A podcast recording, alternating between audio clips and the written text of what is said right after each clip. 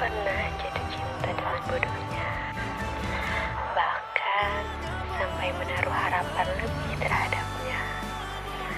Padahal aku hanya dijadikan pilihan saja untuknya.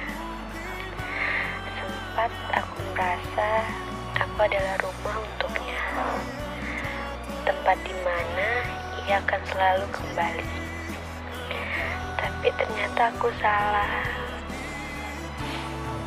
Hanya dijadikan rumah singgah. Benar dia kembali. Tapi kemudian pergi lagi dengan sesuka hati.